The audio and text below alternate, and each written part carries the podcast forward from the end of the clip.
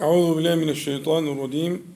بسم الله الرحمن الرحيم. الحمد لله رب العالمين. اللهم صل على محمد النبي وأزواجه أمهات المؤمنين وذريته وأهل بيته كما صليت على آل إبراهيم إنك حميد مجيد. أما بعد فهذا موعدنا المبارك في لقاء الوصال. ونستكمل إن شاء الله تعالى ما بدأناه من حديثنا عن قضية فقه الأولويات. ولعلك تذكر أن فقه الأولويات هو فقه, فقه أصيل في الشريعة الإسلامية يحكم على كل الفقه من أوله إلى آخره. ففقه الشريعة مبني على الأولويات وعلى تقديم الأهم. فالمهم هذه قاعدة مضطردة وضربت لك الأمثلة الكثيرة لعلك أن ترجع إليها لتذكرك بهذا الدور المهم لترتيب الأمور على أولوياتها وألا يتقدم متأخر وإلا خالف مراد الشارع الحكيم سبحانه وتعالى. شرع كله مبني على فقه الأولويات. وقلنا إننا نحتاج في أنفسنا ثم نحتاج في دعوتنا للآخرين أن نقدم العناية العظمى بأسماء الله تعالى وصفاته. ثم نرتبها كذلك في على قاعدة الأولويات أنك ينبغي أن تقدم أولا العناية بأسماء جمال الله تبارك وتعالى. وأسماءه كما علمت هي ما بين الجمال والجلال وكلها كمال كلها كمال فيما بين الجمال والجلال. فينبغي أولا أن تعنى بأسماء جمال الله تبارك وتعالى ثم تتبعها بأسماء جلال الله عز وجل. وعلى ذلك جاءت النصوص في القرآن والسنة تقدم الجمال وتتبعه بالجلال. ويعني إذا أردت أن تدعو من ترى فيه خيرا أو تحب هدايته أن تبدأ معه بأن تدعوه للجمال.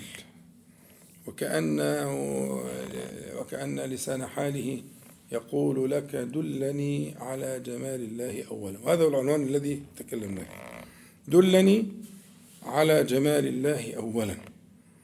إذا أردت أن تدعوه مدعوا فابدأ معه. لا تدعوه بالأحكام ولا بال ولا بالترهيب ولا بالتخويف ولا لكن دله أولا على جمال الله سبحانه وتعالى. ثم تتبع ذلك بجلاله تبارك وتعالى. فكأن حاله يقول لك دلني على جمال الله أولا. وأنت تقول دائما حالك اللهم أرني من جمالك ما تزيدني به شوقا إليك. وأرني هي التي قالها موسى عليه السلام. قال رب أرني أنظر إليك. وما حمل موسى عليه السلام على ذلك إلا الشوق. الشوق. موسى كان مشتاقا إلى الله تبارك وتعالى لما ناداه وكلمه تكليما. فتشوق موسى عليه السلام إلى الله سبحانه وتعالى حتى حمله الشوق أن قال أرني أنظر إليك. وأنا أراك أنت تقول أرني من جمالك ما تزيدني به شوقا إليك. كلما اطلعت على جمال الله تبارك وتعالى بمطالعة أسمائه وصفاته أولا في كتابه تبارك وتعالى ثم في سنة نبيه صلى الله عليه وسلم ازددت شوقا اشتقت اشتقت إلى هذا الجمال الذي جاءك وصفه وبيانه. اشتقت. إلى الله تبارك وتعالى. فكثرة مطالعة كثرة مطالعة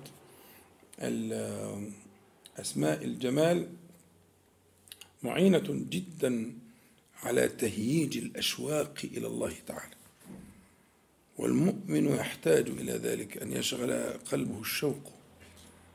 بدل ما يبقى القلب فارغ فيشغله البطالة. أنا قلت لك قبل كده أن القلب لا يفرغ مستحيل. يفرغ بالموت. طول ما الإنسان في نفسه حي يبقى قلبه مشغول. حيز لا يفرغ. فإن ملأته بكذا فقد طردت كذا وكذا. وإن تركته فارغا جاءته الإيه؟ الأهواء والطمع والأمل الطويل. وجاءه ما هو أسوأ من ذلك والظنون والشكوك. إلى آخره. لكن حملك لنفسك على أن ترى من جمال الله عز وجل فتزداد شوقا فيمتلئ القلب فيمتلئ القلب شوقا إليه سبحانه وتعالى. يعني آه، ولذلك النبي عليه الصلاة والسلام سأل ربه ذلك. قال له والشوق إليك في غير ضراء مضرة ولا فتنة مضلة. سأله أن يرزقه ذلك أن يعني ومن السنة أن يسأل المرء ربه سبحانه وتعالى أن يرزقه شوقا إليه وأن يزيده شوقا إليه. والشوق إلى الله تبارك وتعالى أعظم ما يجلبه إلى قلبك وأعظم ما يقربك إليه ومطالعة أسماء الله تعالى التي فيها من الجمال فتشتاق ثم تشتاق. خلاص؟ فهي القضية إنه إحنا يعني بدأنا على هذا الطريق ويعني قلنا بعض الأسماء الحسنى. والليلة إن شاء الله تعالى معنا آه، اسمان من أسماء الله تبارك وتعالى كما وعدتكم في اللقاء الأخير.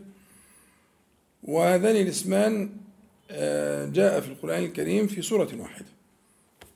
كاسم. لكن جاء كمشتقات كثيرا في القرآن وفي السنة.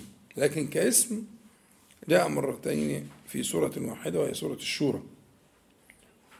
واسم الله تعالى الولي. فاسم الله تعالى الولي جاء في سورة الشورى مرتين ولم يأتي في غيرها من القرآن الكريم. الموضع الأول أم اتخذوا من دون الله أولياء؟ فالله هو الولي. ده الموضع الأول.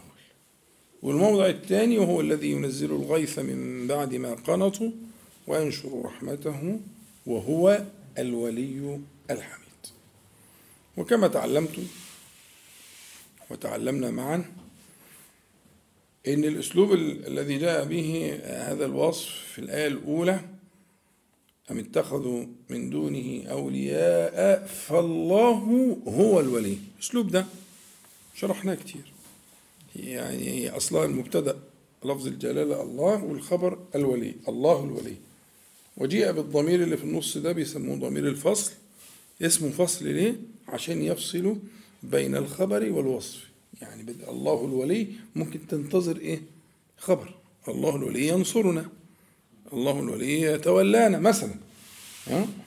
لكن لما جاءت هو دي قطعت فجعلت الولي خبرا. الله هو الولي. وتعريف الطرفين المبتدأ والخبر ده معرفة وده معرفة يبقى معناه إيه؟ القصر. فإن تقول الله هو الولي ولا ولي غيره. ده المعنى الآية. الله هو الولي. يعني إياك أن تتولى غيره. إياك أن تبحث عن ولي غيره سبحانه وتعالى. إن أردت النجاة هو الذي علمك. وهي جاية في المقابل. أم اتخذوا من دونه أولياء؟ قد والوا أهواءهم شياطينهم أصنامهم أموالهم نساءهم وطبعا الأخطر من ده كله الهوى. فرأيت من اتخذ إلهه هواه؟ ما أخطر أخطر حاجة. أشده على الإطلاق. أن يوالي المرء هواه. أم اتخذوا من دونه أولياء. فالله إن أردت الحقيقة فالله هو الولي ولا ولي غيره سبحانه وتعالى. الآية الثانية فيها برضو نفس النكتة بس بأسلوب مختلف وهو قوله تعالى وهو الذي وهو الذي. وأنا قلت لك دعوتك مرارا أن تجمع آه، هو الذي في القرآن الكريم كله. ولو استطعت في السنة يبقى كويس. وستجد فيها ما يسكن قلبك. يعني جمعك اللي هو الذي في القرآن الكريم هتربط على قلبك. لأن معناها قصر جملة الصلة اللي هتيجي بعد الذي على الله. وخلي بالك الأكابر احتاجوا كده. الأكابر احتاجوا كده الصحابة الكرام احتاجوا كده. يعني احتاج الصحابة وهم أكابر هذه الأمة احتاجوا إلى أن يوجهوا هذا التوجيه. هو الذي أخرج الذين كفروا من أهل الكتاب من ديارهم لأول الحشر. جبت الكلام ده منين؟ ما ظننتم أن يخرجوا. ظننتم ده خطاب لمين؟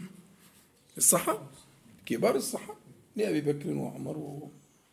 فلما يخاطب الصحابة ويتقال لهم ما ظننتم أن يخرجوا ويقدم الكلام هو الذي أخرج يعني لم يخرجهم غيره. واخد بالك؟ لم يخرجهم غيره فبالتالي مفيش كبير على المسألة. يعني الموعظة دي والتنبيه ده تنبيه هو الذي ده في القرآن الكريم مفيش كبير عليه. لما يخاطب به الصحابة ويقول ما ظننتم بحساباتكم أن هؤلاء لا يخرجون بحساباتكم لا يخرجون. ما ظننتم أن يخرجوا. وهم كمان طبعا هم البعداء وظنوا أنهم مانعتهم حصونهم من الله. فأتاهم من الله يعني إيه؟ بغتة ما لم يحتسبوا. لكن اللي يهمنا أنا خطاب الصحابة. خطاب الصحابة الكرام. فأنت مش يعني أنت مش لست مستغنيا. فهمني؟ أنت لست مستغنيا عن أن تستوعب هو الذي. مش نوافل. ده دي أركان الإيمان. تحقيق الإيمان في قلبك أن تنظر في المواطن الذي قال سبحانه وتعالى هو الذي هو الذي هو الذي. خدت بالك؟ عندنا الموضع ده اللي في الشورى. هو الذي يعني وهو الذي وهو الذي ينزل الغيث من بعد ما قنطوا.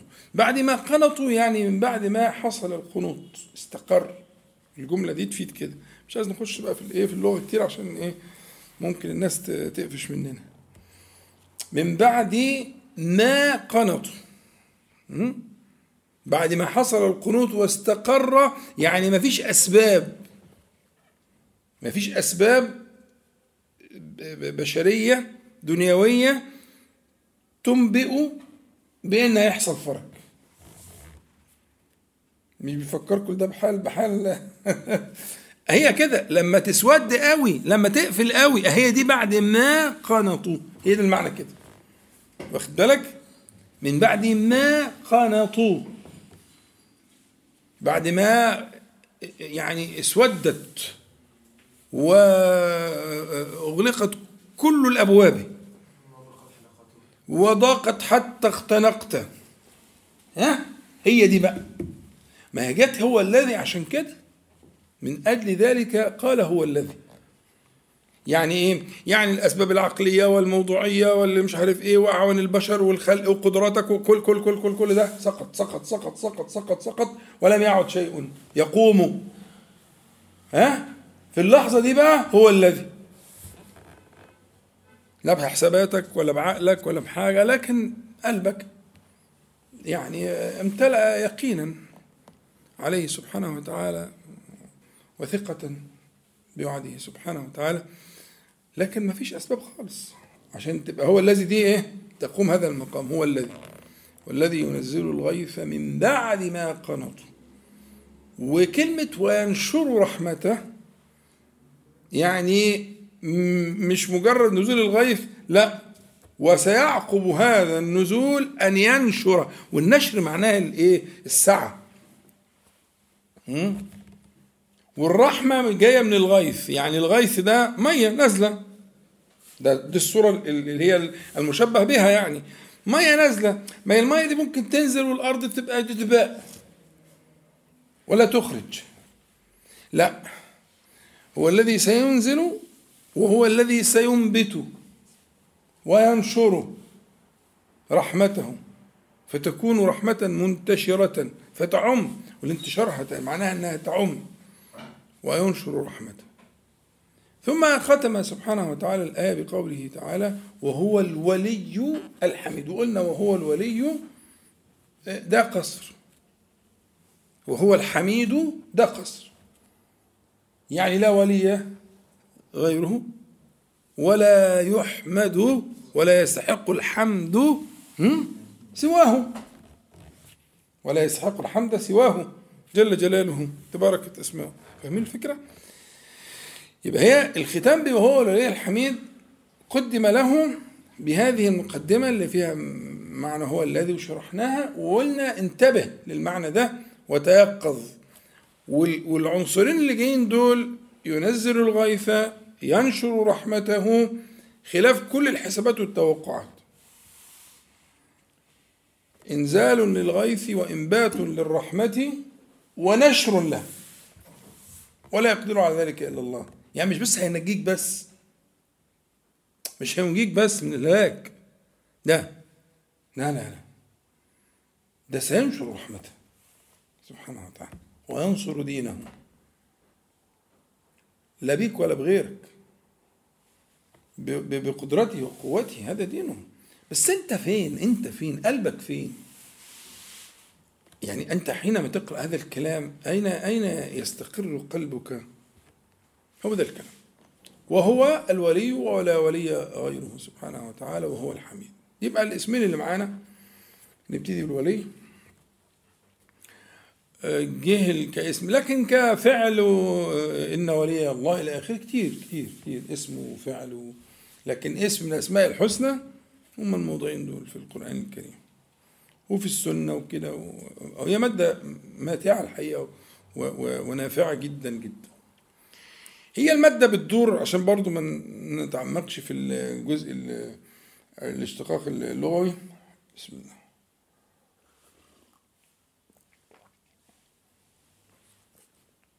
إن إحنا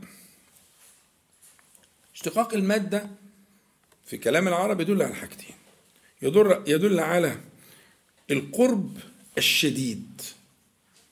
ويدل على الإحاطة على الإحاطة.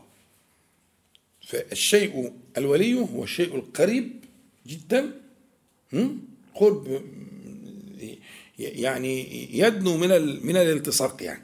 أقرب شيء. وليه يعني لم يكن بينهما وبينهما إيه بينهما إيه؟ فارق أو فاصل فوليه كذا فولي الأمر كذا إلى آخره. أنا مش عايز أخش عشان بس إيه آه نصل لغرضنا إن شاء الله. وإن شاء الله ما نجيلها بقى في التفسير نبقى نقولها بالتفصيل فيبقى المادة دي مادة والية تدل في الكلام العرب على قرب شديد وعلى إحاطة. يعني قرب من كل جانب وده غير متصور في الماديات. آه يعني هي قرب مع إحاطة. زي زي ما أن يكون شيئا أن يكون الشيء قريبا ها محيطا. حاول تتصور. ده هو معنى المادة ده معنى ولي. ولي الشيء يعني كان قريبا منه قربا شديدا محيطا به. تمام؟ حلو قوي الولي في, في, في البناء الصرفي فعيل. وزنها فعيل من غير ما نخش في التفاصيل. الولي فعيل. وفعيل بمعنى فاعل كتير جدا. قدير وسميع وبصير كتير جدا في أسماء الله تعالى. الفعيل بمعنى الإيه؟ الفوائد صيغة من صيغ المبالغة. يبقى هي أصلا المادة نفسها تدل على القرب الشديد وحصلت مبالغة. فعندنا مبالغة في قرب شديد وإحاطة. أيوه أقرب إليك من نفسك. آه أنت تقصد كده؟ آه يعني أنت هتقول نفسي أقرب شيء هو أقرب إليك من نفسك. هو أقرب إليك من حبل الوريد. آه يبقى هنا ابتدينا نفهم فكرة صيغة المبالغة لماده هي أصلا تدل على قرب شديد وإحاطة. يبقى القرب والشديد والإحاطة إذا بنيت منها البناء اللي هو المبالغة الفعيل اللي هو الولي يبقى معناها أنها بلغت غاية لا تدركها العقول. لكن نؤمن بها. نؤمن أن الله سبحانه وتعالى له الولاية على خلقه جميعا. ولي الخلق جميعا. ولذلك إحنا هنيجي نقسم الولاية فهنقول في عندنا ولاية عامة ها؟ وولاية خاصة. الولاية العامة للجميع اللي هو القرب والإحاطة. للجميع لكل خلقه سبحانه وتعالى. بس في ولاية خاصة. ولي الذين آمنوا. الله ولي الذين آمنوا. دي مسألة تانية بقى. دي ولاية خاصة. زي قلنا قبل كده المعية. هي قريبة من المعية. بس هي أخص من المعية. يعني الفرق بين المعية وبين الولاية إن الولاية أخص من المعية. ولكن الاثنين بيتقسموا نفس القسم. ما يكون من نجوى ثلاثة إلا هو رابعهم ولا خمسة إلا هو سادسهم ولا أدنى من ذلك ولا أكثر إلا آه. معهم دي معية معية عامة. لا يغيب عنه شيء سبحانه وتعالى معية عامة. نفس الكلام. وهو معكم أينما كنتم. هم موضعين في القرآن في سورتين وربعة وجدال حديث. ماشي؟ آه. فالفكرة إنه الولاية فيها ولاية عامة وفيها ولاية خاصة. فكل خلق سبحانه وتعالى جل جلاله تباركت أسماؤه قد أحاط بها. أحاط بكل شيء. علما؟ أي نعم. يبقى هنا معنى الإحاطة حاصل لكل خلق الله سبحانه لكن إذا خطب المؤمنون كمثل هذا النص المبارك في قوله تعالى وهو الولي يبقى معناها ده لأهل الخاص لأهله سبحانه وتعالى ولاية خاصة الذي إيه استجاب لهم. بس خلي بالك من بعد ما قنطوا. أنا قنطوا دي متأكد إنها لابد من صرفها إلى القنوط من السبب. ولا يكون قنوطا من الإيه؟ من المسبب. سبحانه وتعالى ولا تبقى مشكلة. فاهميني كلامي؟ يعني القنوط هنا يصرف من قنطه من الأسباب. خلاص ما فيش حيل يا رب. مش ما في جات إحنا مش ملناش غيرك بقى. أسباب ما فيش أسباب. فلما هذا هذا الانقطاع يعني مثلا إيه في, في, في آخر يوسف. حتى إذا استيأس الرسل وظنوا أنهم قد كذبوا. جاءهم نصرنا فنجي من نشاء. صح؟ حلو قوي استيأسوا من إيه؟ من الله. ده الرسل. حاشاهم. يبقى أنا المعمول هنا هو المعمول هنا هو المعمول في كل مواضع القرآن الكريم يقول على مسألة إن ما فيش سبب. خلاص إحنا عجزنا. في قدرتنا إحنا عاجزين. هذا الضر الذي نزل بنا لا نملك بأسبابنا وقدراتنا ها لا نملك دفعه. مش قادرين. سلم منك لكن اليقين أنه آه، آه، آه، يتعلقون بالله عز وجل مع انقطاع السبب. وعلى فكرة دي مرتبة من مراتب الإيمان عليا لأنه في وجود السبب بيبقى فيه التشويش على الواحد. يعني الإنسان لما يكون في سبب بيبقى في يعني أنت مثلا لو نجحت في حاجة وانت شاطر فيها وعندك مهارة فيها وعندك خبرة فيها في تشويش عليك. فرحمة ربنا سبحانه وتعالى خلي بالك الكلام ده خبرة العمر يعني. رحمة ربنا سبحانه وتعالى إن هو سبحانه وتعالى جل جلاله يدفع بك إلى مكان تسقط فيه قدراتك وإمكانياتك وتبقى عجز عجز تام عشان أنت لما جبرك المرة اللي فاتت كنت إيه؟ يعني شايف إن برضو أنا برضو يعني عملت وسويت وبفهم شوية ولولا كذا كنت كذا الإنسان إنسان. فيها الضعف. من رحمة ربنا سبحانه وتعالى أنه يدفع بك إلى مقام تنقطع فيه أسبابك. أنا بقول ده ليه؟ عشان الرسل.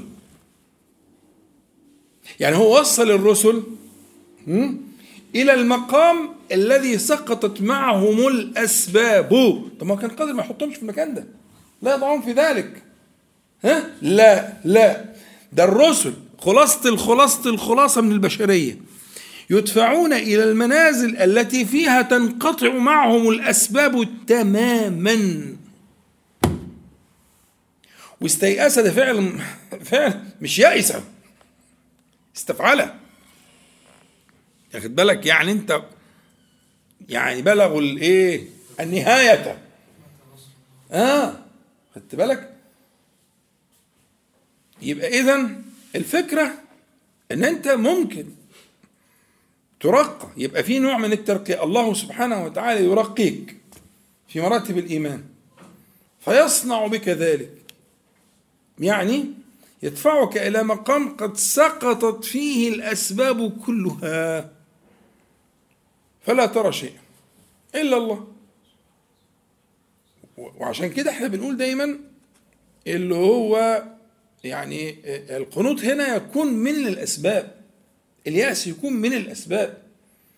اليأس من قدراتنا مما نستطيعه لكن لا قنوط من رحمة الله القنوط من رحمة الله كفر. كبيرة من الكبائر من أعظم الكبائر. القنوط من رحمة الله. لكن أن نقنط من قدراتنا أو من غيرنا أو من البشر أو من ماشي كويس. هيحصل. وإذا ما حصل فلا ترى إلى الله سبحانه وتعالى. وحينئذ ينزل الغيث وينشر رحمته سبحانه وتعالى. لماذا؟ لأنه هو الولي فكأنها جاء في مقام التعليل. وهو الولي الحميد. لأنه هو الولي الحميد صنع ذلك بكم. نزل الغيث ونشر رحمته سبحانه وتعالى. فإذا الولاية العامة للخلق جميعا اللي هي مشتملة على القرب والإحاطة المنافقين قاعدين يتوشوشوا ويعملوا ويسووا ها؟ ست نفس الكلام. ما فيش مش دي ده, ده نوع من الايه من القرب والإحاطة للخلق جميعا معهم. لكن الله مع الذين اتقوا والذين هم محسنون لا. إيه ده؟ لا دي حاجة تانية. دي معية أخرى. ما تسويش بين المعيتين. ولا بين الولايتين. فولاية الله تبارك وتعالى لأهل الإيمان هي ولاية العزة والنصرة والإحاطة والحفظ. إذا هم أخذوا بأسبابه. يبقى وهو الولي لا ولي غيره. سبحانه وتعالى. لا ولي غيره تبارك وتعالى. النصوص بقى كتير بس أنا عشان عندنا حاجات مرحلات من المرة اللي فاتت فأنا مش عايز أطول يعني. لكن ممكن إن شاء الله نبقى نعود. نصوص جميلة جدا في السنة وفي القرآن الكريم في حكاية الولاية ووصف الولاية. ولكن يعني نخليها في في في وقت لاحق إن شاء الله تعالى. يقول وهو الولي الحميد. الحميد برضو فعيل بس فعيل بقى من الصيغ القليلة في أسماء الله تعالى التي هي بمعنى مفعول أنا كنت يعني قلت لكم قبل كده حاولوا تجمعوا أسماء الله تعالى التي بمعنى المفعول لأهميتها لأن مبناها على فعلك أنت. وأعظمها وأجلها الله. جل جلاله. الله يعني المألوه يعني المعبود. والمعبود بحق وكذلك الصمد. الصمد يعني المقصود. واخد بالك؟ وكذلك الوكيل. أنا في يعني كنا نبهنا المسألة دي. فهي ما نعم. فهي مهمة جدا لأنها تتعلق بفعلك أنت. العبودية فيها منشأها من فعلك. إذا تركتها خلاص لكن إذا انتبهت إليها فأبشر. تمام؟ فمعنى من هذه الصيغ القليلة في أسماء الله تعالى الإيه؟ الحميد. الحميد فعيل بمعنى مفعول بمعنى محمود. بمعنى محمود. لكن هي أبلغ من محمود. هي أبلغ من محمود. لأن الحميد مشتقة من الفعل حمد اللي هو فعل. وأنا قلت لك قبل كده ال ال ال الوزن ده لا يكون إلا من الصفات اللازمة. زي جمل وظرف ولطف الأشياء التي تتغير في الإنسان. العرب تقول على وزن فعل. فحمد يعني هو محمود لذاته. مستحق للحمد من غيره. يعني وإن لم يحمده الحامدون فهو محمود. لكن المحمود لابد من حامد من حمده. حمد فهو محمود. فلذلك هم العلم قالوا إن ال ال ال ال ال ال إن هذا الاسم المبارك اللي هو اسم الله تبارك وتعالى الحميد أنه آه، آه، من من حمد يعني فعل يلزم الاسم وإن لم يحمده الحامدون هو مستحق للحمد سبحانه وتعالى لذاته. ولذلك إحنا لو تذكروا كنا شرحنا بشيء من التفصيل برضو في الصلاة على النبي عليه الصلاة والسلام. إنك حميد مجيد والجمع بين الحميد وجه الجمع بين الحميد والمجيد وأنك مستحق للحمد لذاتك لما اتصفت به من الكمال وتنزهت به عن النقص فأنت محمود. وإن لم يحمدك الحامدون وإن لم يحمدك الحامدون ده المقصود يعني. فهنا الاسم آه، كذلك آه، يعني آه، مع الولي يعني هو الذي هو القريب وهو المحيط بكل خلقه وبأوليائه وهو المستحق للحمد لذاته سبحانه وتعالى ومستحق للحمد من عباده الصالحين. مترتبا ذلك على معنى الإيه؟ معنى الولاية. يبقى أنت لما بنتكلم في ضيق في جدب في مصيبة في قد أحاطت بالأشياء فالله تعالى يذكرك باسمين من اسمه. الاسم الأول الولاية القرب والإحاطة. لا يغيب عنه شيء. هو أقرب إليك من نفسك. والاسم الثاني أنه محمود لذاته سبحانه وتعالى متصف من كمال. ما قدر شيئا ابدا إلا هو ينفعك ولكن أنت لا تدري. يبقى تقديراته كلها سبحانه وتعالى تقديرات آه، آه، آه، نافعة بل هي أنفع شيء إليك ولكنك قد لا تدرك ذلك لأنه هو الحميد هو المحمود والمحمود سبحانه وتعالى لا يخرج منه إلا ما يحمد إلا ما يحمد. يعني هو محمود على كل ما قدر سبحانه وتعالى وأراد. وبالتالي أنت لما تتفكر في اسمي الجمال الولي واسم الحميد بدأت الطريق. والولي اسم يتوسل به. يعني النبي صلى الله عليه وسلم صح في حديثه قال يا ولي الإسلام يعني يعني ينادى. ينادى باسمه يا ولي يا ولي يعني أن, أن تنادي الله تبارك وتعالى بولايته يعني من هو القريب يا من هو المحيط أدعوك بكذا وكذا.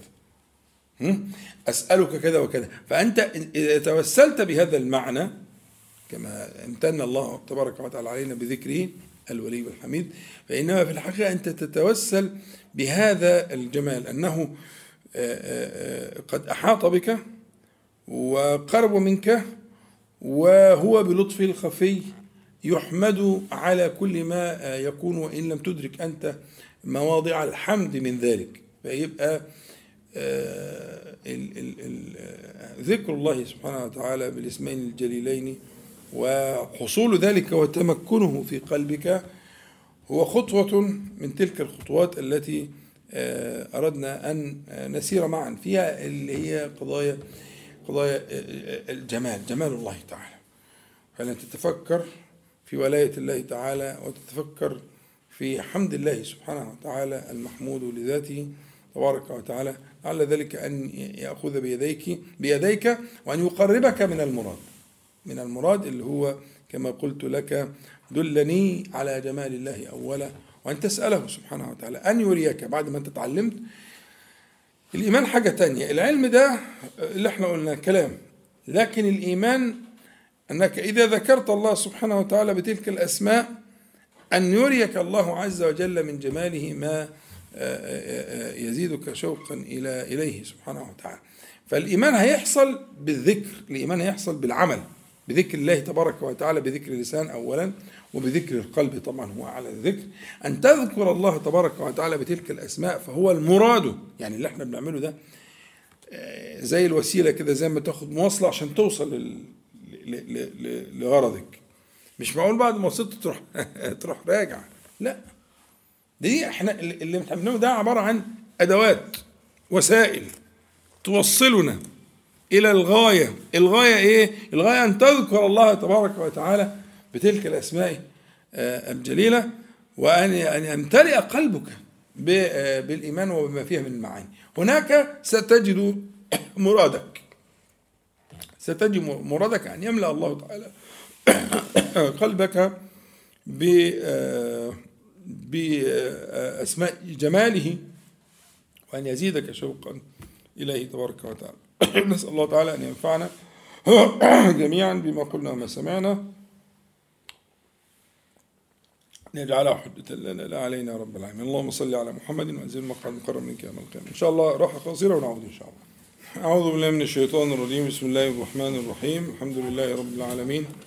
اللهم صل على محمد وانزل المقعد المقرب منك يوم القيامة. أما بعد ف آه، كنا بدأنا في المجالس السابقة في مسألة آه، يعني ينبغي عليك أن تتفكر فيما تتعلق به همتك.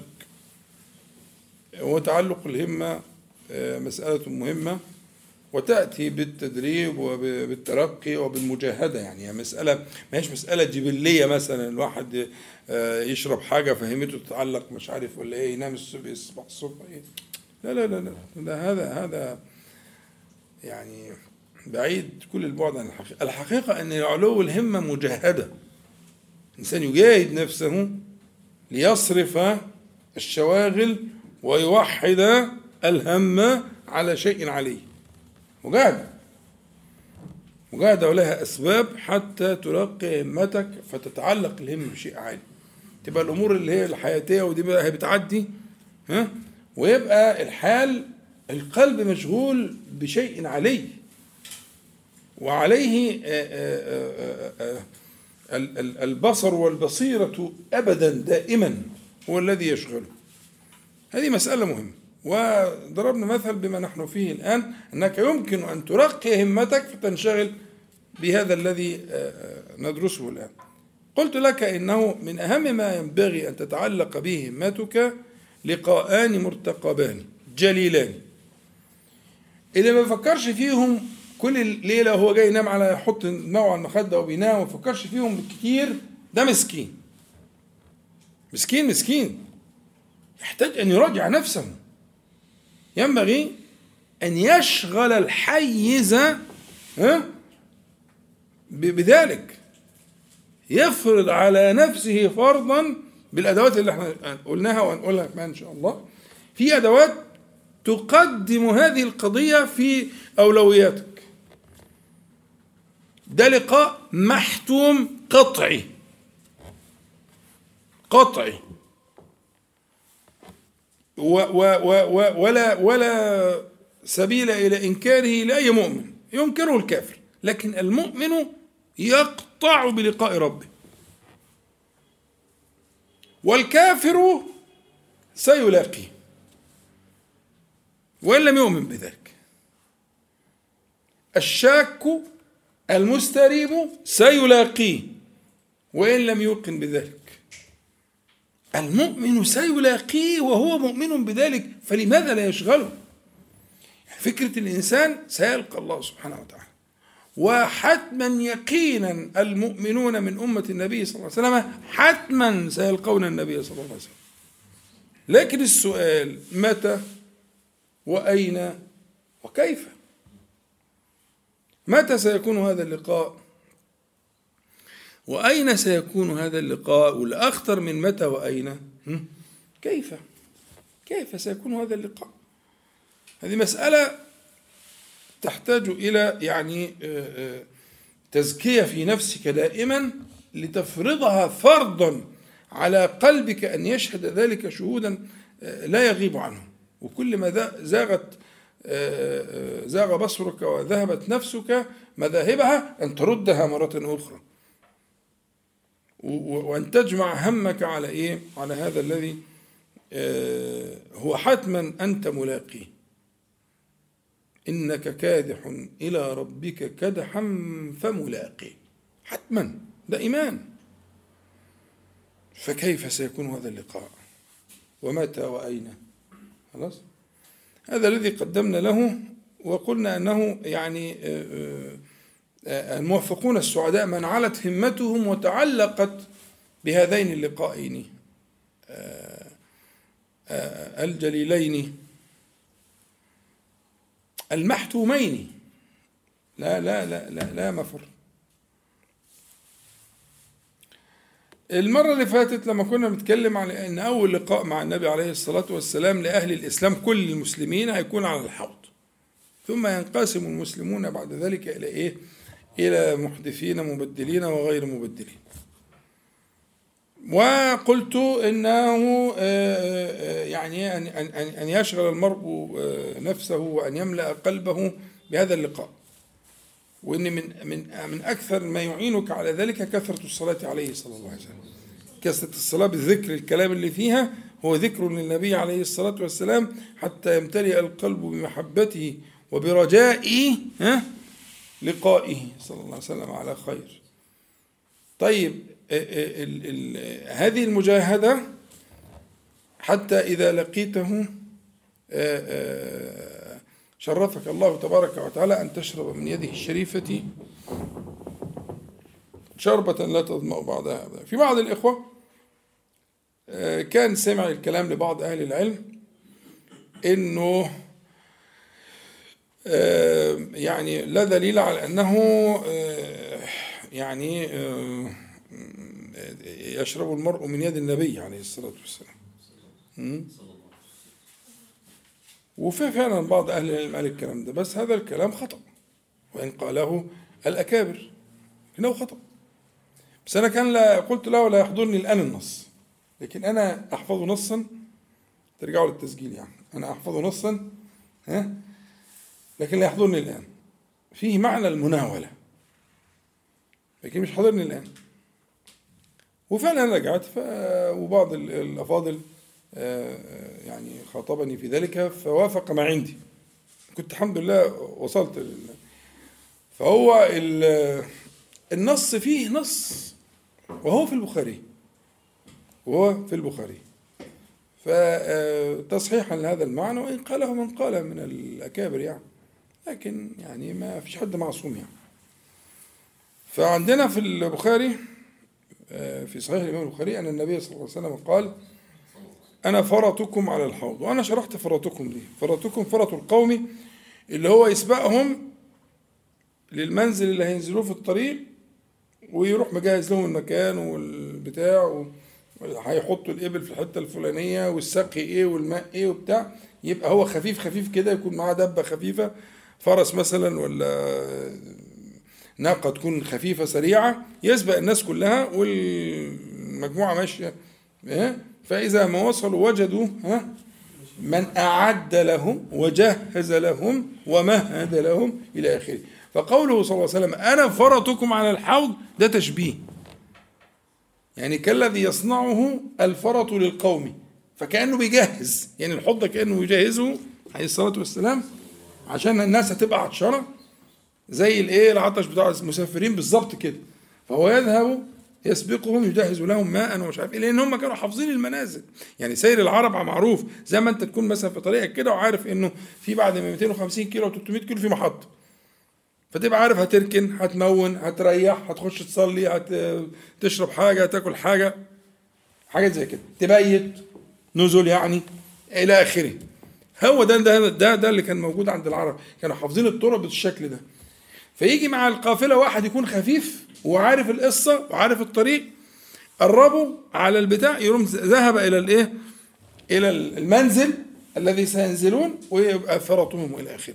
فهكذا شبه النبي صلى الله عليه وسلم نفسه بذلك الشريفة فقال أنا فرطكم ها على الحوض. ليرفعن إلي رجال منكم حتى إذا أهويت لأناولهم اختلجوا من دوني. والشاهد في قوله صلى الله عليه وسلم لأناولهم. أهويت يعني بيدي الشريفة ليناول أهوى بيده يعني. أهوى بيدي ليناولهم. اختلجوا اختلجوا يعني آه، سحبوا كده ولا نزعوا ولا إيه؟ واخدين بالكم؟ آه. من دوني. فأقول أي ربي أصحابي أو أي ربي أصحابي فيقول فيقال أو يقول الله تبارك وتعالى لا تدري ما أحدثوا بعدك. فالشاهد هنا قوله آه، آه، أهويت لأناولهم. القاضي عياض في الشفاء آه، بيقول عارف لا مش في الشفاء في المشارق مشارق الأنوار. بيقول قوله أهويت لأناولهم أي أسقيهم بيدي. ده نص. نص. فأن أن تكون السقاية من يده الشريفة يعني أنتوا ليه ليه التضييق يعني؟ اولا الحديث في البخاري. وعياض بينقل في, في كتاب المشارق وبيقعد كلام أهل اللغة. ليه؟ عشان إيه؟ حاجة حياة. يعني طبعا مع احترامنا إجلالنا للناس يعني بس ما تفهمش يعني. الحمد لله الذي هدانا لهذا يعني. المهم إنه إيه الحديث صحيح. ومعنى ان أن تدعو الله سبحانه وتعالى. أنت تبقى مستني اللحظة دي يا إخوانا. هي مسألة تشوق. أن يمد يده إليك عليه الصلاة والسلام. أنت عايز إيه؟ يقول لك بقى الناس كتير وعدد أكوابه كنجوم السماء. أنت حكمت عقلك فيما لا يتحكم فيه العقل. ده معانا نص كمان ده حتى من غير النص. افترض من غير النص. يعني انت لو من غير النص و و وسألت الله ذلك إيه المشكلة؟ ان في ناس من الامة سيناولون بيده عليه الصلاة والسلام. مثلا افترض كده. كما سيناول أبا بكر وعمر ومش عارف إيه. فسألت الله تعالى أن يناولك هو بيده الشريفة. إيه اللي حصل؟ ليه الخنقة دي؟ ليه؟ ليه؟ عشان إيه؟ والداعية أنه موجود في نص في البخاري. وفي البخاري مش مثلا في مثلا أبي عوانة مثلا ولا حاجة كده ما ده في البخاري. والراجل عياض جايب الكلام بتاع أهل اللغة. يعني بالنص اهو أي أسقيهم بيدي عليه الصلاة والسلام. فلما أنت تبقى مستني اللقاء ده وتترقبه وأن يناولك بيده الشريفة إيه يا عم الحكاية؟ سيب الناس في حالها. بلاش إيه الخنقة اللي هي ملهاش أي لازمة دي. فهو طبعا آه، آه، هو اللي سأل السؤال مش موجود دلوقتي. بس إن شاء الله تلاقيه سمعنا دلوقتي. أو هيسمعنا ولا بعد حين. أنا بس أهم حاجة عندي المذهب. مذهب. المذهب ده عايزين ندمره مذهب الخنقة ده. عايزين ندمره. يعني أنا حتى لو حتى لو لم نجد نصا في البخاري إيه المانع أن يتشوق المرء إلى ذلك وأن يتشرف بذلك؟ فما بالك بقى في نص؟ يلا.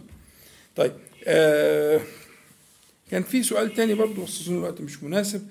كان حد سأل عن مزيد إيضاح لمعنى اسم الله الودود. وفعلا أنا ما ما وفيتوش زي النهارده برضه ما لحقتش يعني اسم الله الولي ما خدش حقه معايا. الفكرة إنه بس الواحد يعني بيخاف إن هو تبقى الصبغة العلمية توسع شوية في الدرس فبتبقى بتذهب بالموضوع. لكن لا شك ان إن أنا لم أوفي ما ينبغي آه، كحد أدنى يعني. في اسم الله تعالى الودود. فلعلنا إن شاء الله بس الوقت مش مناسب. لعلنا برجع له لأن هو الكبار قالوا إن هو يجوز أن يكون بمعنى اسم مفعول واسم فاعل وده بقى هنضمه الأسماء اللي هي بمعنى المفعول. خدت بالك؟ فخليها تشويقة كده ونبقى نشرحها لأنها جميلة جدا الحقيقة. جميلة جدا لأن هو زي ما قلنا إن الود عموما هو خالص المحبة آه، الخالية عن كل ما تكرهه النفس أو يؤلم. محبة صرف زي ما قلنا قبل كده الرأفة والرحمة. هي نفس الفكرة. فأن يكون ذلك منك لله تبارك وتعالى شيء مقبول هو كويس. وقلبي كتير من أهل العلم وإن ال- ال- الكلمة من جهة الاشتقاق اللي هو تحتمل أن تكون مودودا ووادا. وادا هتبقى اسم فاعل ومودود اسم مفعول. يعني مودود من عباده وواد لهم. ها؟ كلام جميل. بس برضه إيه ما اظن المقام مش إيه مش هيسعى للموضوع. هو النهارده بس كنت عايز أطوف معاكم.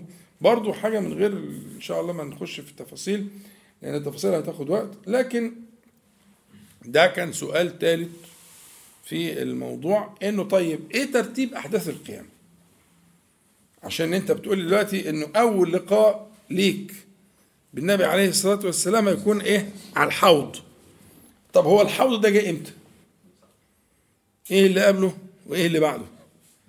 وبعدين قلت لي كمان إن في لقاء لله تعالى في القيامة. وأنا قلت لك كده قلت لك مسألة فيها خلاف. مسألة فيها خلاف. لكن في ناس من المحققين زي ابن تيمية وغيره قرروا أنه هناك لقاء بين الله تعالى وعباده في القيامة. فعشان نبقى نقدر نتصور أين ومتى وكيف لقاء النبي عليه الصلاة والسلام وأين ومتى وكيف لقاء الله تبارك وتعالى. الأول عايزين نحط الخريطة إذا صح التعبير الزمانية؟ والمكانية للقيام. مظبوط؟ أظن محتاجين كده شيء منطقي عشان نتدرج. فيبقى المرة دي نمر عليها نطوف عليها طوافا آه، سريعا. ومع وأنا عارف إن كل واحدة فيهم هتبقى محتاجة أسئلة أو بيان يعني لكن خلينا الأول نحط الخريطة العامة ثم نذهب إلى هذه الأشياء هذه المراحل هذه الخطوات آه، شيئا فشيئا إن شاء الله تعالى إحنا كنا بدأنا قبل كده شوية لما كنا بنتكلم على خواتيم سوره الزمر وإلى آخره واتكلمنا على الحشر. و... و... و... والوزع وما في معناه لكن آه، آه، إحنا عايزين ناخد صورة عامة دلوقتي في في دقائق نطوف على هذا اليوم. اليوم ده بيبدأ بإيه؟ بالنفخ في الصور صح؟ يبقى أول خطوة الناس آه، النفخة الأولى فصعق من في السماوات ومن في الأرض. كله خلاص مظبوط؟ النفخة الثانية هي الإيه؟ القيامة. مظبوط؟ فإذا هم قيام. يبقى عندنا أول خطوة بالترتيب الزمني الت- الت- التتابعي. أول حاجة النفخ في الصور. التي تليها البعث من القبور. يبقى النفخ في الصور يليه أن يبعث الله عز وجل بالنفخة الثانية ها؟ بقدرته من في القبور. أنا طبعا مش هقول الاحاديث والآيات لأن كتير جدا. لكن أول نتصور وبعد كده إن شاء الله نبقى يبقى النفخ في الصور الأمر الثاني البعث من القبور. الثالث القيام ينظرون فإذا هم قيام ينظرون يعني قاموا يعني يخرجوا من الأجداث يخرجون فيقومون فينظرون. في ذهول إيه ده فين إحنا؟ يا ويلنا من بعثنا. طبعا الناس ال- نسأل الله العافية. من بعثنا من مرقدنا؟ آه الرد بقى هذا ما وعد الرحمن وصدق المرسلون فلازم يقولوا يقومون فإذا قاموا نظروا فإذا نظروا سألوا؟ يبقى آه، آه، حد هيحفظ معايا؟ طيب نخلي حد يبقى سمع في الآخر. هم مش كتير هم 21 خطوة بعتها لهم على تليفونات. طيب ماشي. مفيش مانع بص بس لما تيجي تسمع ما تبصش. يعني أول خطوة عندنا قلنا ال- ال- النفخ. اللي هي النفخة الأولى النفخة الثانية اللي أخرجت الناس من القبور. تمام؟ بعد كده ال- البعث من القبور بعد كده القيام ينظرون. بعد القيام الحشر يحشرون إلى أرض المحشر. وإحنا قلنا أكثر مرة أرض المحشر معروفة. بس يوم تبدل الأرض غير الأرض والسماوات. يعني تبدل السماوات. هيبقى حالة تانية لكن المكان الذي يحشر الناس إليه هي الأرض المباركة. هي الإيه؟ هي أرض الشام. الأرض المباركة. ولينا معها لقاء بقى إن شاء الله نبدأ الحصة الجاية في سورة يوسف عشان نشوف حكاية الأرض المباركة دي في القرآن الكريم. عجيبة. وارتباط مصر في القرآن الكريم بهذه الأرض ارتباطا وثيقا جدا. ارتباط عجيب. يخرج كده بره ويبص الصورة كلها. يجد القرآن الكريم عظم الأرض جدا هذه الأرض وربط بها مصر ربط الإمداد والإعداد.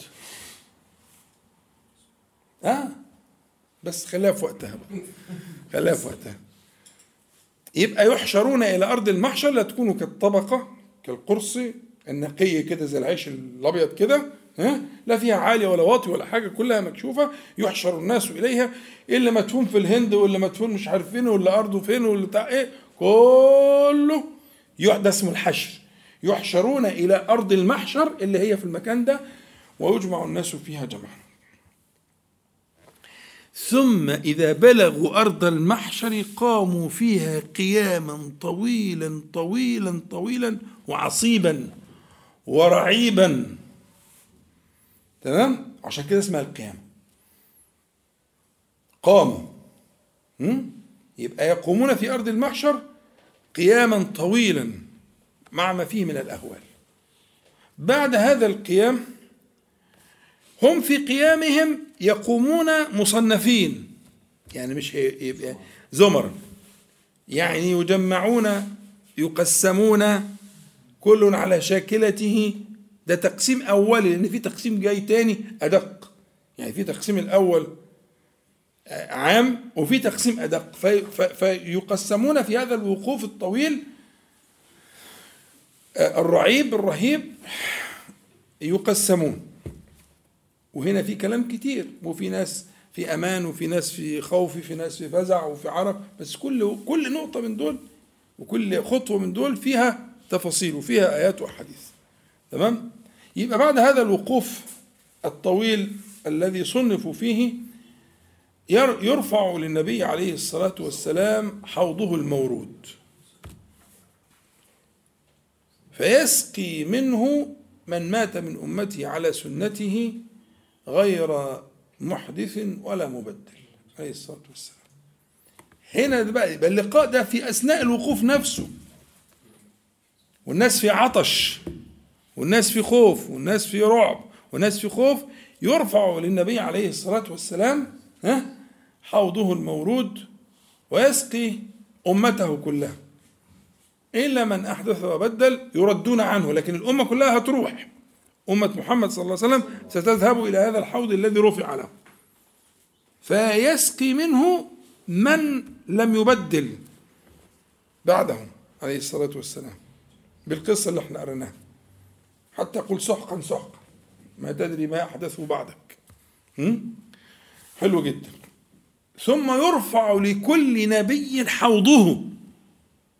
فيسقي صالح أمته. بس يبدأ بالنبي عليه الصلاة والسلام. كرامة له. وكرامة لأمته. لكن لكل نبي حوض.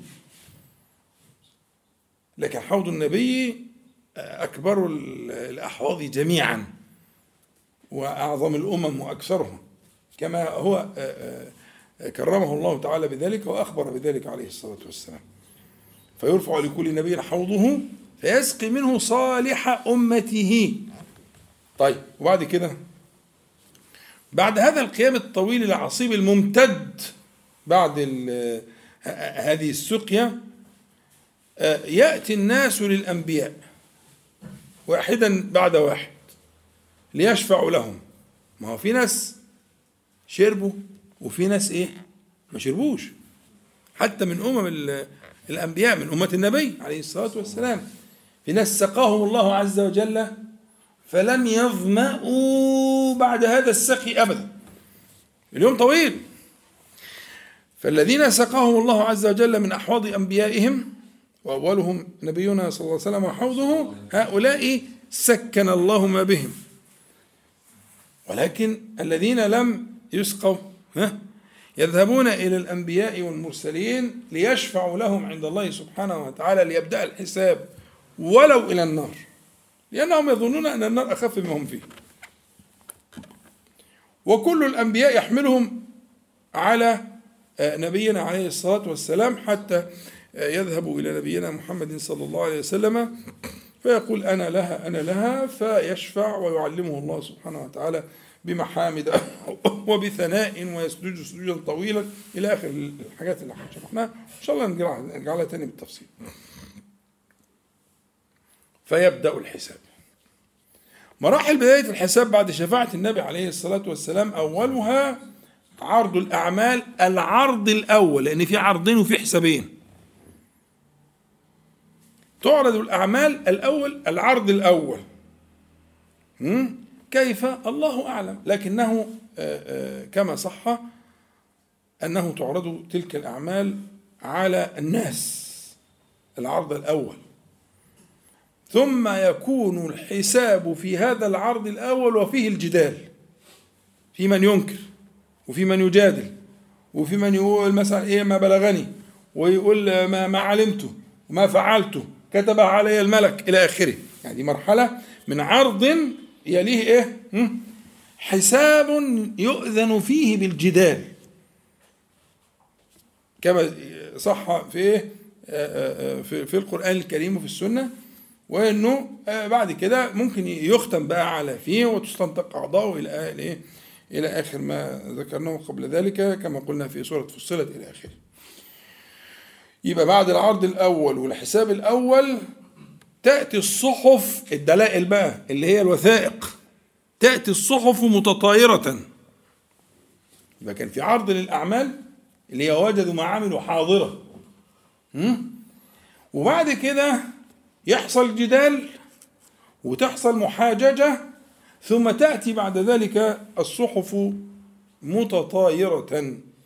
ويؤتى كل امرئ صحيفته ولا خيار له أن يؤتى بيمينه أو يؤتى بشماله. فتؤتى الصحائف تتطاير ويؤتى كل إنسان كتابه إما بيمينه وإما بشماله. أعاذنا الله وإياكم. ثم المرحلة وذلك يقرأ الإنسان كتابه. والذي ما ترك شيئا. فإذا طلع كتابه كما يقال له اقرأ كتابك كفى بنفسك اليوم عليك حسيبا يقرأ كتابه. ثم يأتي الحساب الثاني الذي فيه قطع المعذرة. الأول كان فيه جدال الحساب الثاني بعد الإتيان عرض الأعمال لا دلوقتي في صحف. وفي الصحف فيها مسطور فيها كل صغير وكبير. وكل صغير وكبير أيوه مستطر. بالشهادة بوقتها بساعتها بالتسجيل الصوتي البتاع زي ما أنتوا عايزين بقى دلوقتي العالم اللي إحنا عايشين فيه ده يقرب هذه الأشياء تقريبا ما بعده تقريبا. بالهمسات بالخلجات بالألفاظ بالحروف بكل حاجة. خدت بالك؟ فيبقى وفيه قطع المعذرة وإقامة الحجة. ده الحساب الإيه؟ الثاني. في قطع المعذرة وإقامة الحجة ولا يكون ذلك إلا لأهل العذاب. عادنا الله وإياكم. لا يعامل هذه المعاملة إلا من سيعذب لتقام عليه الحجة. ثم المرحلة التي تلي ذلك بعد ما أخذ كل إنسان كتابه وحصلت المحاججة وإقامة الحجة تنصب الموازين. ونضع الموازين القسط لما كل واحد معاه صحائفه حسناته وسيئاته ما جنت يداه. ثم تأتي الموازين تنصب الموازين ليوضع في الميزان وكل واحد يأتي على الميزان فردا فردا. وكلهم آتيه يوم القيامة فردا. كل يأتي على ميزانه فريدا وحيدا. ها؟ فإذا نصبت الموازين بعد الموازين يفوج الناس أفواجا وزمرا. خلاص خلاص انتهت. تميز الناس بعد الميزان. وفوجوا أفواجا وزمرا النقطة اللي بعد كده أو الخطوة اللي بعد كده اللي هي السابعة عشر عشان اللي إيه بيحفظ وهيسمع دلوقتي. السابعة عشر تقام الألوية. تقام الألوية. ألوية الأنبياء وألوية الظالمين. وأول لواء هو لواء نبينا محمد صلى الله عليه وسلم. وكل ده دكتور مع بعض. نعم. كل ده في أرض المحشر.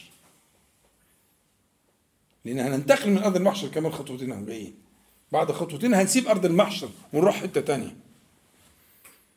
لكن كل اللي فات ده كله لغاية وضع الموازين كل ذلك في أرض ويفوج الناس أفواجا وزمرا في أرض المحشر. ثم تعقد الألوية وأول لواء وأعلى لواء وأعظم لواء لواء نبينا محمد صلى الله عليه وسلم. وثم ألوية لأهل الفجور وأهل الفسوق وأهل الغدر وأهل الظلم وأهل الكفر وأهل الجحود. و... تعقد الألوية تبقى الح... تحولت الساحة إلى ألوية. عارفين اللواء زي اللي بنسميه إحنا علم يعني? عالي ومكتوب عليه. هذا لواء محمد صلى الله عليه وسلم. بس كده كفاية. هذا لواء محمد صلى الله عليه وسلم. آه. أن ينضوي المسلم تحت لوائه صلى الله عليه وسلم. مفيش بعد كده. آه هذا لواؤه صلى الله عليه وسلم. فإذا عقدت الألوية بان الناس وتفرقوا وتقسموا وتوزعوا على تلك الأفواج التي تميزت. ها؟ وبعد الألوية تضرب الظلمة فجأة. يبقى قبل كده ما كانش في ظلمة. كان في نور. الناس شايفة بعض. شايفين الألوية. بعد عقد الألوية وينضوي كل فريق تحت لوائه وإحنا ربنا يجمعنا بلواء النبي عليه الصلاة والسلام تضرب ظلمة. سواد. ثم يعطى كل امرئ نورا بقدره. كان في نور عام للناس كلها؟ يسحب النور ده. فتضرب ظلمة ويسير الناس في تلك الظلمة بما يعطون من الأنوار. فسيرهم على قدر إيه؟ أنوارهم. وهنا يميز المنافقون. لغاية اللحظة دي المنافقين كانوا بيعملوا معاملة الظاهر. واخد بالك؟ ما هم صلوا وصاموا. لكن ليس لله. حملوا في في في قلوبهم كفرا. وهنا بعد ضرب الظلمة وأن يعطى كل امرئ نوره إيه؟, إيه, إيه, إيه؟ يميز الناس. وهنا في هذه المرحلة أو في هذه الخطوة يميز المنافقون. والقصة مشهورة وشرحناها ونرجع لها إن شاء الله برضه. طيب. بعد ضرب الظلمة ينصب الصراط. الصراط ده بقى معبر. معبر من أرض المحشر إلى الجنة. بس منصوب على ظهر جهنم. يبقى الصراط سينصب من المقام اللي الناس فيه ليعبرون. بعدما ضربت الظلمة على الجميع ولا آه، يسير أحد إلا بنوره. ما أعطاه الله تعالى من النور. وذلك قلت لك فاكرين لما كنا شرحنا دعاء الخروج للمسجد؟ قلت لكم أنا لا أعلم في السنة حديثا مش كهذا الحديث يشبه هذا الحديث. ما فيش حديث فيه التفصيل ده. العجيب اللي انت يعني ممكن تستغرب. في سمعي نورا وفي بصري نورا وفي عيني نورا وفي فوقي نورا ومن تحتي نورا ومن امامي نورا ومن خلفي نورا وفي شعري نورا واجعل لي نورا واجعل لي نورا أعظم لي نورا. إيه ده؟ فيش حاجة ما فيش حاجة في السنة كلها كده ولا قريب من كده ولا شبيه بكده. خدت بالك؟ عشان تعرف قيمة الخطوتين دول. وقيمة الذكر ده. هيظهر في الوقت ده. النور ده. و و و و والمتخبطون نسأل الله العافية. فإذا نصب الصراط أول من يمر على الصراط هو عليه الصلاة والسلام نبينا محمد صلى الله عليه وسلم. وتمر بعده أمته على قدر ما هم عليه من الايه من الأنوار والإيمان والعمل الصالح. فمخدوش ومكدوح وهنشرح إن شاء الله. لأن على جانبيه كلاليب خطاطيف. منهم من يمر كالبرق. سرعة البرق سرعة الضوء. ومنهم من يمر كالرياح ومنهم من يمر كذا ومنهم إيه؟ إلى آخر وإن شاء الله نشرحها بالتفصيل يعني. بس عشان إيه؟ نكمل الصورة يعني. فيمر النبي عليه الصلاة والسلام وتمر أمته من بعده بقدر كل بقدر عمله ونوره. ويسقط في النار أهلها. حتى لو كانوا مؤمنين. بس كتب عليهم دخولها. يبقى دخول النار هيكون بالشكل ده. من على جسر جهنم من على الصراط. بالخطاطيف والكلاليب والعمى وقلة النور. نسأل الله العافية. ثم بعد المرور على الصراط يجتمع المؤمنون جميعا اللي هم يخشوا الجنة في عرصات الجنة. عرصات الجنة يعني إذا صح التعبير نقدر نسميها آه، زي ساحات كده. عارفين ساحات الحرم؟ أنت ما دخلتش الحرم. أنت في ساحه الحرم.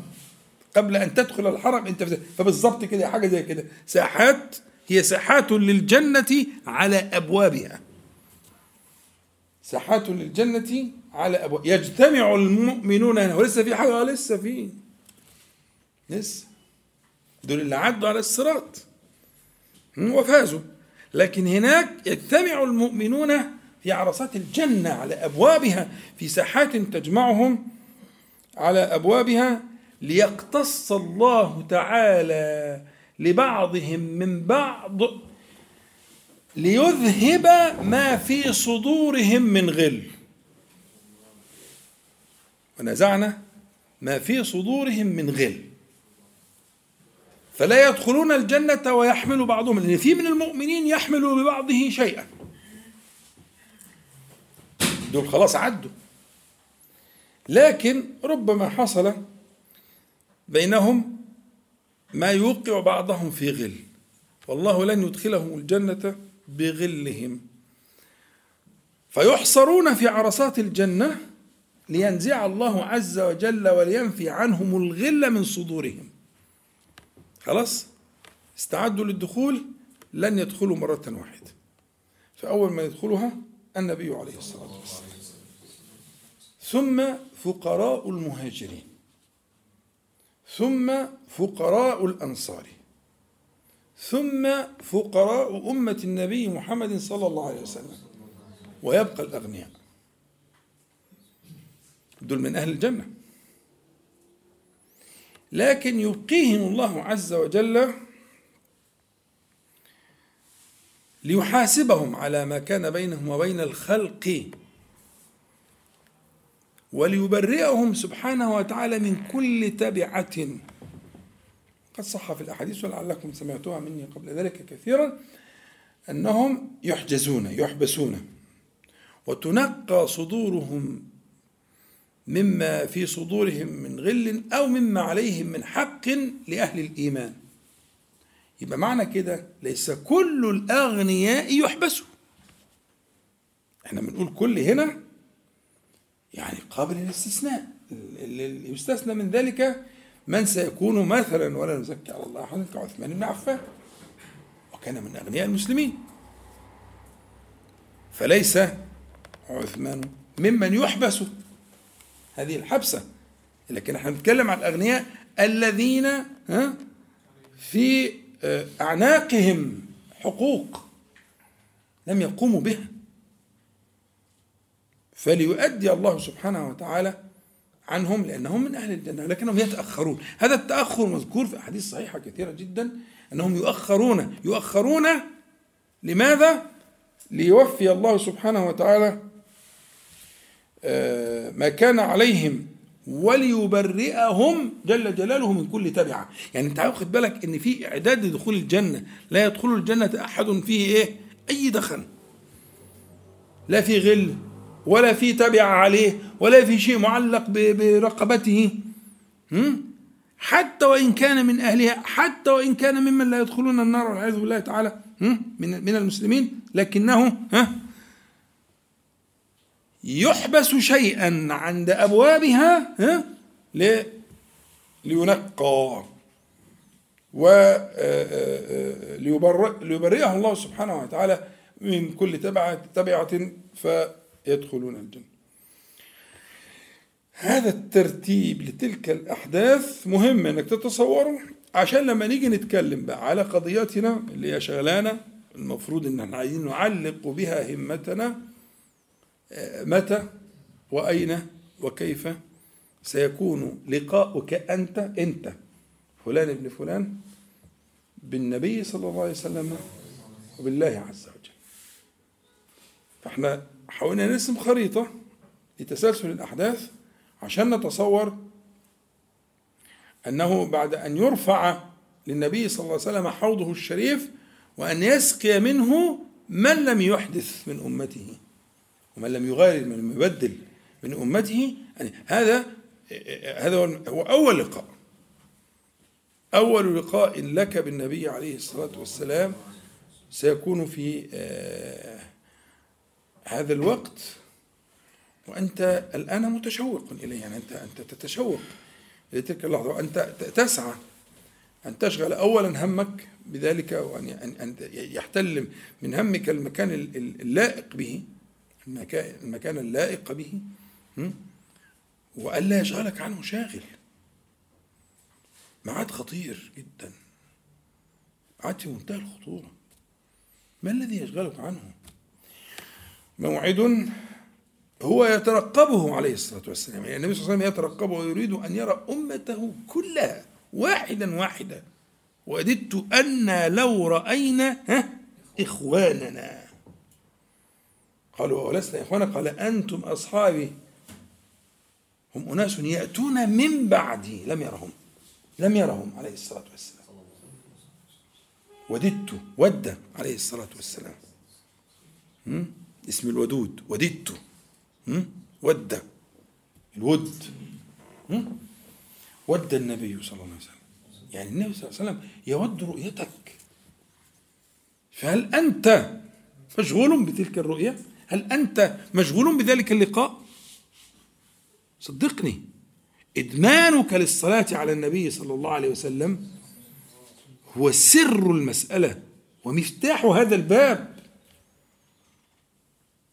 أدرك نفسك وأنت في العافية. لسه الدنيا في إمهال ربنا بيمهلني ويمهلك. عظم الصلاة عليه صلى الله عليه وسلم. لتحرك الشوق في قلبك إليه. لتهيج النفس إلى رؤيته صلى الله عليه وسلم. هو من ناحيته أدم عليه. وقال ود أن لو رآك. أي أيوة والله.